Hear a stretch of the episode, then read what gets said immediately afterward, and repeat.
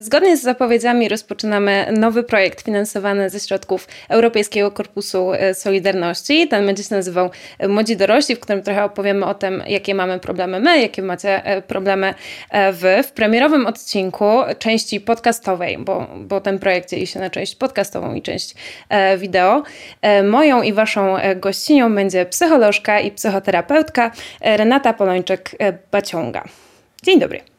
Dzień dobry. E, dzisiaj trochę, e, jak już możecie się domyślić, porozmawiamy o sytuacji e, dzieci i młodzieży w kontekście dostępu do pomocy psychologicznej, psychiatrycznej, psychoterapeutycznej. No i tutaj pierwsze takie pytanie wstępne. Jak ona teraz wygląda? Nieustająco, nie, powiedziałabym niewystarczająco, choć lepiej niż kiedyś. Okej, okay, czyli jakie mamy tutaj kwestie, jeżeli chodzi o, e, nie wiem, dostępność przede wszystkim do specjalistów, bo myślę, że to jest, e, to jest taki problem najbardziej palący. No to pamiętajmy, że po pierwsze pomoc możemy uzyskać zarówno w sektorze prywatnym, e, takim związanym po prostu z usługami psychoterapeutycznymi, psychologicznymi, psychiatrycznymi, jak i w sektorze państwowym, czyli tym, który jest powiązany z Narodowym Funduszem Zdrowia. Przypustką do obydwu tych sektorów jest zgoda osoby, która jest opiekunem prawnym lub rodzicem osoby niepełnoletniej. No bo jeżeli mówimy o dostępie dla dzieci i młodzieży, to są to osoby, które są w rozumieniu prawa nieletnie i nie mogą w pełni decydować e, o sobie i swoim leczeniu. Wymagana jest ta zgoda. E, I tutaj to często już jest takim, bym powiedziała, warunkiem barierowym czy zaporowym, ponieważ mamy często do czynienia z taką sytuacją, gdzie albo dziecko nie chce powiedzieć swoim rodzicom o tym, co się z nim dzieje, odczuwa wstyd, nie jest pewna, czy tej pomocy dostanie, chciałoby, żeby to się nie wydało, mm, ale może być też sytuacja, w której rodzice bagatelizują problemy dziecka, nie uznają jego problemów ze zdrowiem psychicznym za wystarczająco ważne, albo są one powiązane z innymi problemami w rodzinie, na przykład przemocą, uzależnieniem e, i rodzice bądź opiekunowie prawni nie chcą, żeby ta sytuacja najnormalniej w świecie e, wypłynęła gdzieś na zewnątrz.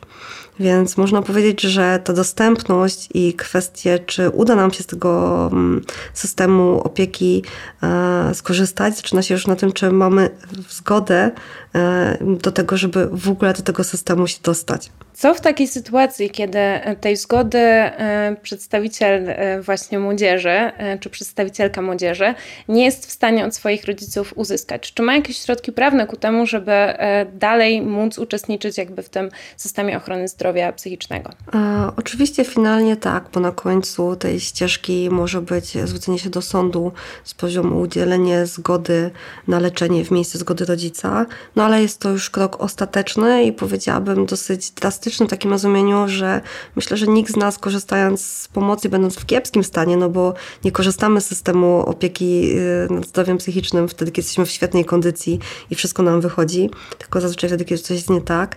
Więc z tej perspektywy zaczynanie od sądu jest, bym powiedziała, dosyć dostarczającą e, propozycją. Więc to, co można zrobić, co się dzieje, to jest taki kawałek najpierw wywierania e, wpływu w takim znaczeniu rozmów z rodzicami na temat tego, dlaczego dziecko tej pomocy potrzebuje i takiego pokazania, że jesteśmy w tym razem, w znaczeniu, że to będzie coś, co jest na rzecz dziecka, a nie przeciwko rodzicom.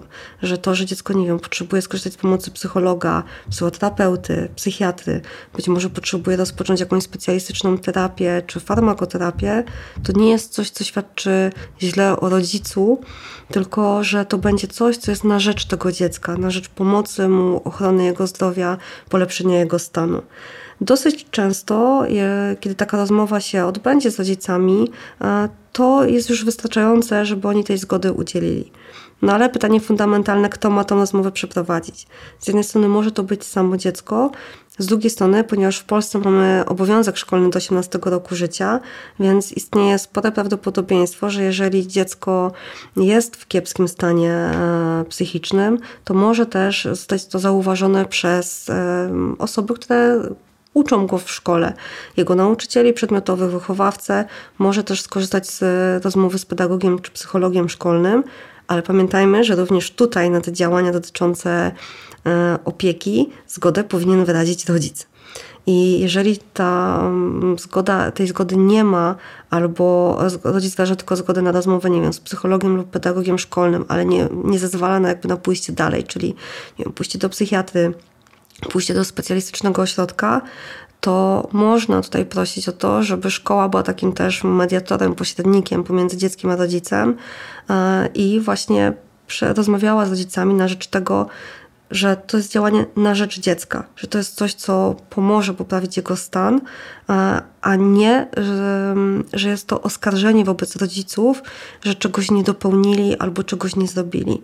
Nawet jeżeli mamy do czynienia z sytuacją przemocy czy uzależnienia, to oczywiście, że przedstawiciele oświaty, tak samo jak e, przedstawiciele w ogóle służb, które dają, działają w obszarze pomocowym, są zobowiązani do podejmowania działań interwencyjnych, bo ustawa o przeciwdziałaniu przemocy w rodzinie zobowiązuje nas do powiadamiania odpowiednich służb, jeżeli takie podejrzenie się pojawi, ale nawet wtedy można pokazywać coś, co jest zgodne z naszym systemem prawnym i tym, co się dzieje w Polsce, że procedury dotyczące wychodzenia z przemocy, czyli na przykład procedura niebieskich kart, albo procedury pomagające walczyć z uzależnieniem, czy leczyć uzależnienie, to nadal jest działanie na rzecz tej rodziny tak? Bo jeżeli ten problem w postaci przemocy, uzależnienia, czy jakichś e, być może innych chorób, które występują w rodzinie, uda się rozwiązać, to finalnie skorzystają na tym wszyscy. I żeby w miarę możliwości, jeżeli to jest zgodne z prawdą i z faktami, przychodzi takiej narracji, że to jest na rzecz rodziny i tego dziecka i że to jest pomoc, a nie, że to jest przeciwko. Na zasadzie teraz będziemy Państwa oskarżać, rozliczać i pokazywać błędy. Wspomniała tutaj Pani o roli szkoły jako tego mediatora. E, wspomniała też Pani o kwestii psychologów czy pedagogów szkolnych. E, no właśnie, jak wygląda sytuacja dostępności do tych psychologów, pedagogów? Czy to jest tak, że szkoły mają e, obowiązek zapewnić określoną liczbę godzin e, psychologów, pedagogów w szkołach, właśnie w placówkach edukacyjnych? E, czy ta dostępność jest trochę ograniczona? No to mm, w obszarze zdrowia psychicznego i psychoterapii najczęściej nie ma prostych odpowiedzi, więc to również brzmi jak status na Facebooku, to skomplikowane. Mhm. Ponieważ z jednej, z jednej strony szkoły są zobowiązane do tego, żeby zatrudniać pedagogów i psychologów, z drugiej strony zderzmy to z faktami. Jeżeli e, maksymalny wymiar etatu dla psychologa to jest e, 18 godzin, tak, e, teraz chyba 19, przepraszam nauczycieli, jeżeli pomyliłam się tą jedną godzinę z pensum, E, ale jest to w tych okolicach, e, to to jest 19 godzin w tygodniu. W przeciętnej szkole podstawowej mamy 8 klas. 8 klas pomnożonych przez 20 dzieci, załóżmy, że szkoła nie jest e, zatłoczona, to jest 160 osób. Jeżeli mamy co najmniej dwa roczniki, to mamy już 320 osób. I na to mamy 19 godzin w tygodniu. Oczywiście nie wszystkie dzieci potrzebują korzystać z pomocy psychologicznej czy pedagogicznej. Nie? E, na pewno nie wszystkie chcą skorzystać z niej, w niej w obrębie szkoły, no bo też mogą postrzegać pedagoga czy psychologa jako część e, czasami problemu, który mają na przykład ze szkołą ale nawet jeżeli tylko ułamek tych dzieci chce skorzystać, to ta pomoc jest mocno ograniczona, a dodajmy do tego, że jeszcze w ramach tych obowiązków psycholog i pedagog szkolny zajmują się też pracą z dziećmi, które mają orzeczenia o tym, że powinny e, z takiej pomocy korzystać, czyli na przykład z poradni psychologiczno-pedagogicznej e, w związku ze swoimi specjalnymi potrzebami, bardzo szeroko rozumianymi, bo te specjalne potrzeby dotyczą zarówno, nie wiem, dzieciaków, które mają problemy w obszarze zdrowia psychicznego, ale też są na przykład bardzo zdolne, albo potrzebują pomocy w nauce. To wszystko jest jakby w takim worku tych specjalnych potrzeb i to też jest coś, czym psycholog i pedagog się zajmuje. Więc to też nie jest tak, że on całą tą pulę swoich godzin może przeznaczyć tylko i wyłącznie na pracę taką sensu stricte psychologiczną i pedagogiczną co trochę nam pokazuje ten kontekst, że z jednej strony ta dostępność jest, ale e, może się okazać, że ona nie jest wystarczająca wtedy, kiedy my potrzebujemy e, korzystać z tej pomocy regularnie. W znaczeniu, że dziecko na przykład potrzebowałoby tego kontaktu co tydzień, w trybie po prostu takim długoterminowym. No i tego jeszcze weźmy pod uwagę, że szkoła nie działa przez cały rok.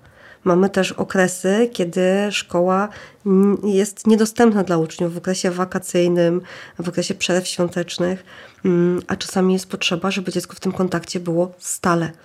Nie? Więc jest i tak, i tak.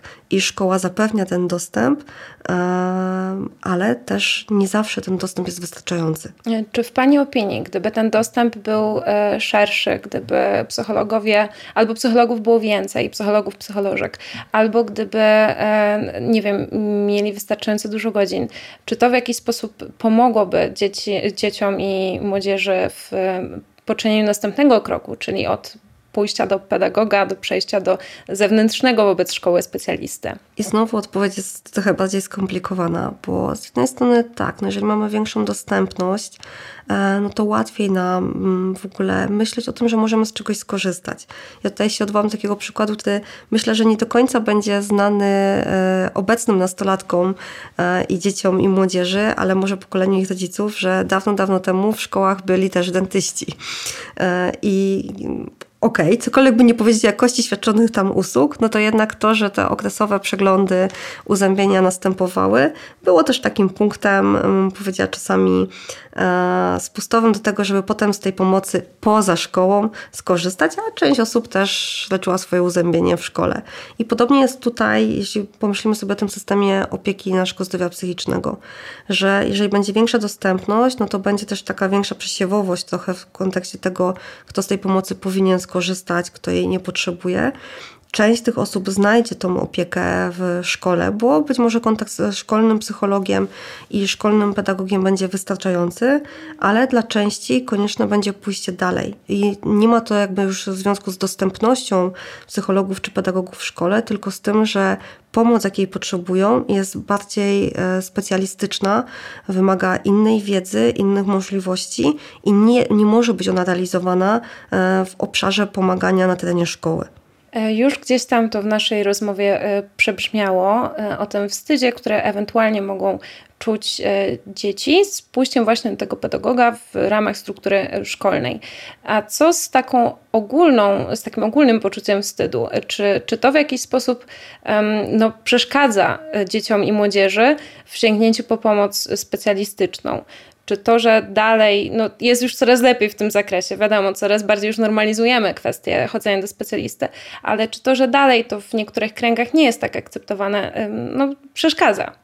I jak duża jest skala tego problemu? Znowu, to będzie nasza ulubiona odpowiedź. To skomplikowane i to zależy.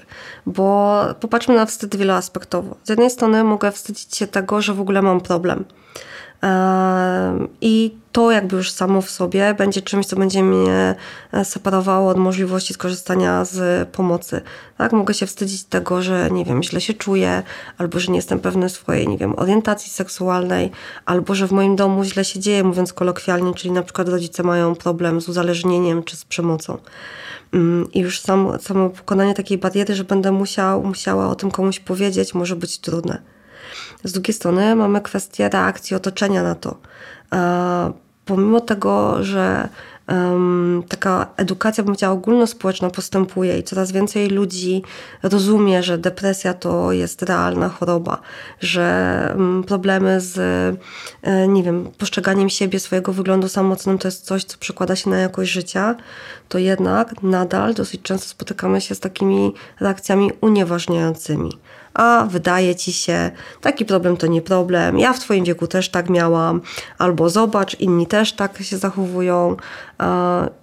To też jest trudne, no bo jeżeli my przełamiemy ten pierwszy wstyd, gdyby go tak trochę ponumerować, że w ogóle muszę się przełamać, powiedzieć komuś o swojej trudności i ja o tym mówię, a z drugiej strony spotykam się z reakcją unieważniania, czyli wydaje ci się to nie tak, to na pewno nie jest tak bardzo poważne, no to znowu dostaję taką e, ilość energii, która raczej no, nie zachęca mnie do tego, żeby pójść dalej, tylko znowu zmusza mnie do takiej refleksji, a może ze mną jest coś nie tak, bo skoro inni nie widzą tego problemu, no to może ze mną jest coś nie tak, co znowu może nas separować od tej pomocy.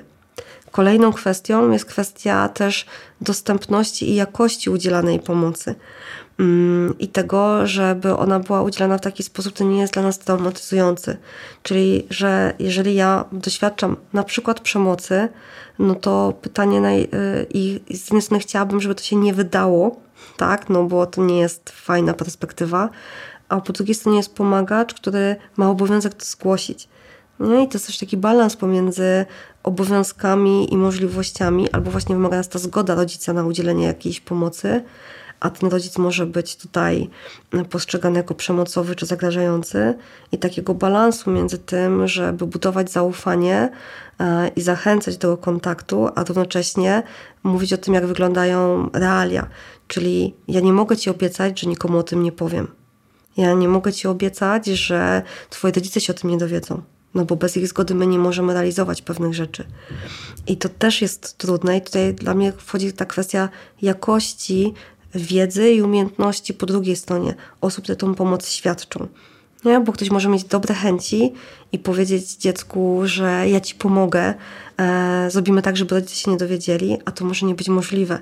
I za, rozumiem, że ktoś może chcieć tak zadziałać w takim trybie, żeby dziecko się zaufa, zaufało i otworzyło, tylko jeżeli ono potem doświadczy tego złamania zaufania, bo się okaże, że rodzice na przykład muszą się o tym dowiedzieć, bo takie mamy przepisy, tak, bo ich zgoda jest niezbędna, to jego zaufanie zostanie złamane i może skutkować tym, że będzie mu się jeszcze trudniej otworzyć na dalszych etapach postępowania i leczenia, które jest dla niego niezbędne. Jeśli już przełamiemy wszystkie te bariery wstydu, e, tak to nazwijmy, e, robocze na potrzeby rozmowy, e, jeśli już zdobędziemy zgodę rodziców, bo, bo są na przykład świadomi tego, że, że mamy jakiś problem, to co z dostępnością do samych lekarzy? Jak przyjdziemy do pani do rejestracji e, w placówce NFZ-u, jaki nam podyktuje termin, dlaczego te terminy są takie długie, bo teraz już spoiler alert, będziemy narzekać w tej sekcji e, i, i właśnie co moglibyśmy zrobić, żeby to poprawić, no ale może zacznijmy od tego, jak jest źle, e, no i, i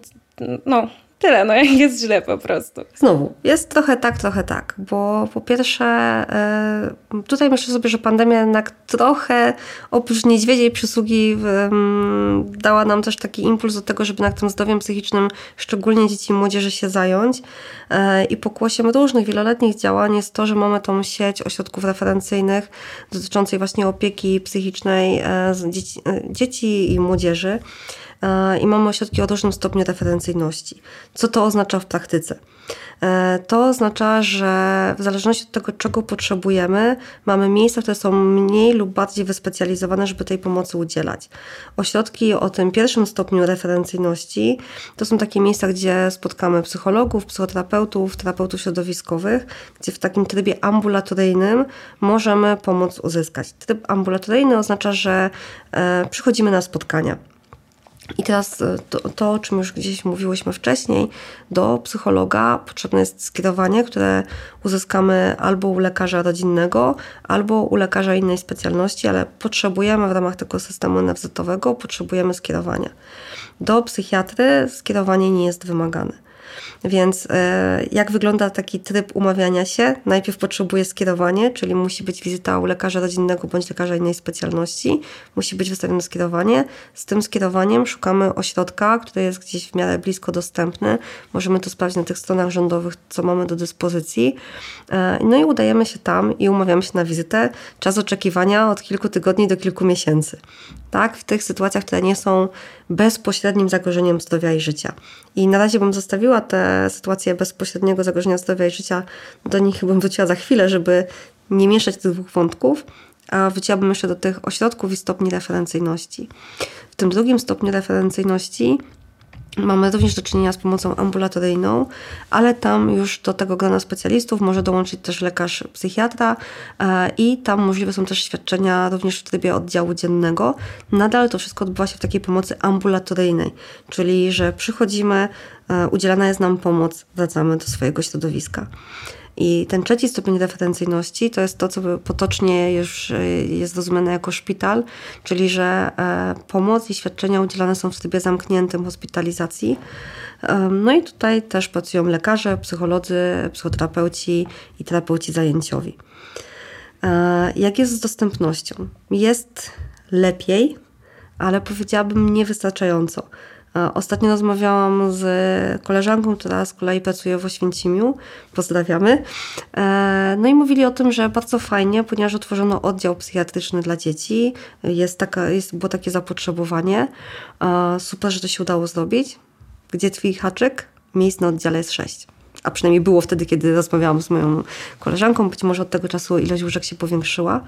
No i teraz sześć miejsc, jak była potrzeba, oznaczało, że oddział zapełnił się pierwszego dnia, no i dostępność dla kolejnych osób jest ograniczona.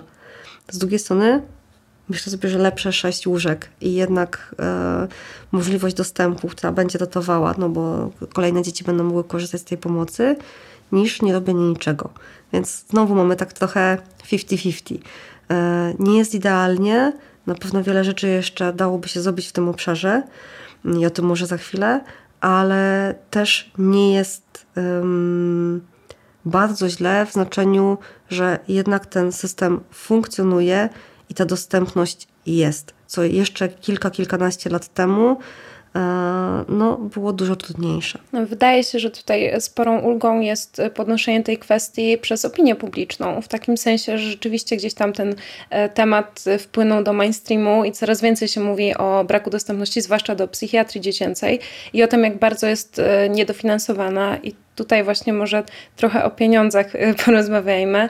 Najpierw w tym sektorze właśnie publicznym, na ile większe środki pomogłyby w rozwoju tego sektora publicznego, a później o sektorze prywatnym, jak, jak wygląda ta kwestia finansów pod względem dostępności właśnie dla dzieci i młodzieży, które przecież nie zarabiają kroci, a jednak ta terapia jest długotrwała i kosztowna. Więc e, wracając do tego systemu publicznego, to też musimy sobie zdać sprawę, że większe pieniądze nie przyniosą od razu e, większych efektów w takim znaczeniu, że pomyślmy też o tym, że wykształcenie kolejnych specjalistów trwa. No bo żeby ktoś był specjalistą w obszarze zdrowia psychicznego, e, to albo będą to lekarze psychiatrzy, czyli musimy skończyć studia medyczne, odbyć staż, zrobić specjalizację, no to mamy mniej więcej 10 lat, tak, od teraz. E, jeżeli mówimy o psychologach, no to są to przynajmniej studia e, magisterskie z psychologii 5 lat. Jeżeli mówimy o specjalistach psychoterapii, to są studia zasadnicze z psychologii lub kierunków pokrewnych, e, plus specjalizacyjny kurs kolejne 4 lub 5 lat. Więc to, jeżeli chodzi o terapeutów, tutaj ten okres kształcenia jest krótszy, to będzie rok, dwa, trzy, w zależności od programu, ale też zdajmy sobie sprawę, że to nie jest tak, że wlanie pieniędzy do systemu od razu e, poprawi dostępność, bo tych specjalistów po prostu jest niewystarczająca ilość w stosunku do tego, jakie mamy potrzeby na rynku. Nie?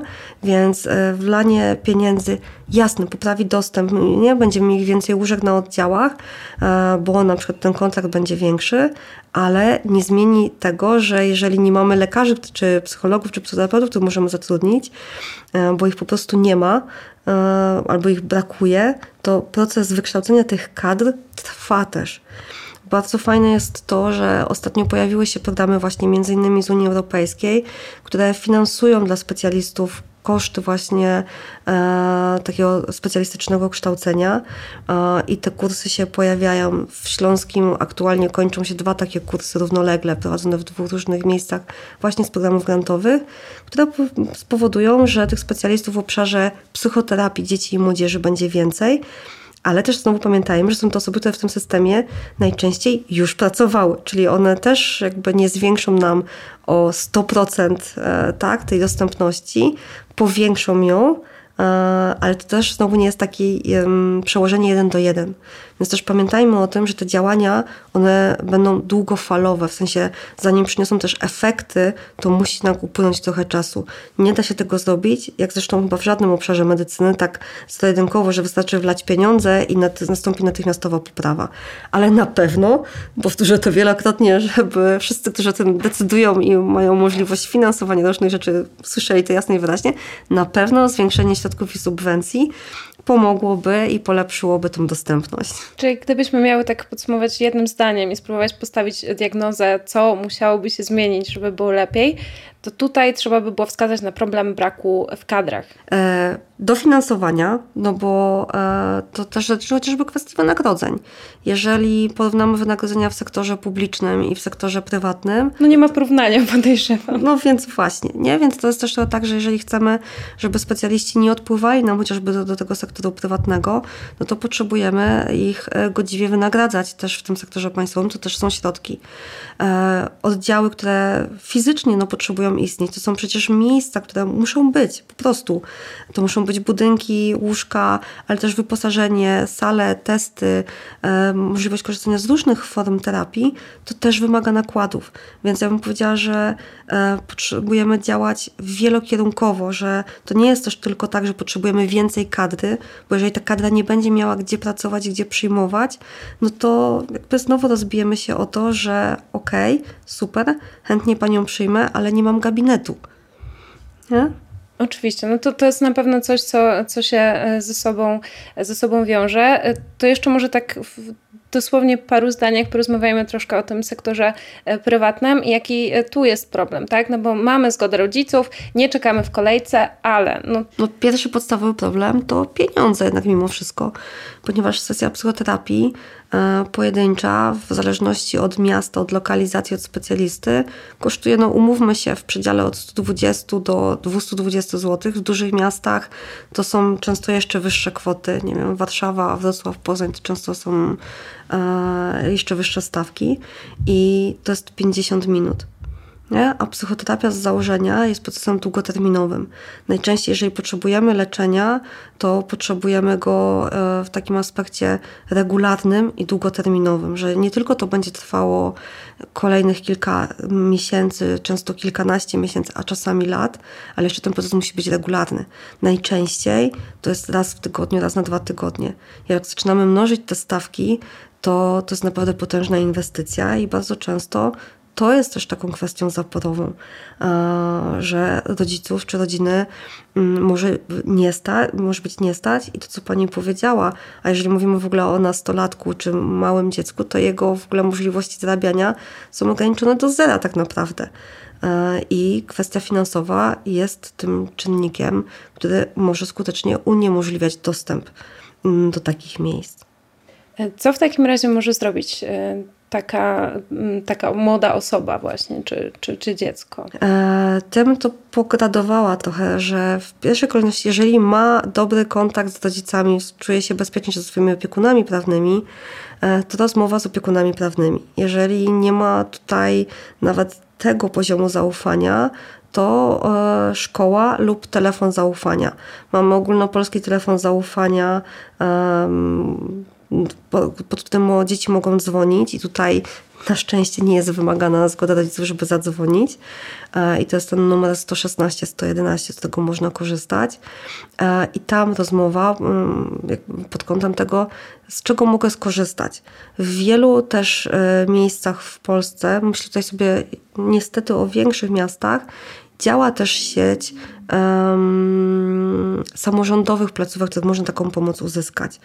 E, I warto się zorientować, czy na terenie danego miasta, gminy, powiatu takie jednostki funkcjonują. E, I jeżeli mm, mamy taką potrzebę, znowu z osobą dorosłą, możemy próbować nie tylko mówić o tych placówkach NFZ-owych, czyli takich związanych stricte z tym leczeniem medycznym, ale na przykład w ośrodkach e, pomocy rodzinie, dziecku i rodzinie. One się różnie nazywają w różnych miejscach. Często mamy też jakieś fundacje, e, stowarzyszenia, które również udzielają tej pomocy albo bezpłatnie, albo e, niskopłatnie. Więc ten wachlarz możliwości, również dzięki właśnie działaniom samorządowym i trzeciego sektora, jest dosyć szeroki, oczywiście szerszy w miastach i większych e, aglomeracjach, gorzej dostępny w tych mniejszych miejscowościach czy obszarach wiejskich, ale tutaj też bym powiedziała, że pandemia przyczyniła się do tego, że rozwinął się sektor świadczenia usług online. To, co kiedyś było nie do przeskoczenia, jakby wydawało się, że jak ja mogę, nie wiem, uczestniczyć w sesji, czy rozmawiać z lekarzem przez telefon, czy e, na jakimś wideokomunikatorze, dzięki pandemii, tu myślę sobie, że może to zapisać na plus tem, te, tego czasu, to się zmieniło. I to też powoduje, że można skorzystać z tej pomocy online'owo, czyli nawet w tych obszarach wiejskich, czy z gorszą komunikacją, tak, czy z gorszym dostępem, że ten wachlarz pomocy też dzięki temu się poszerzył.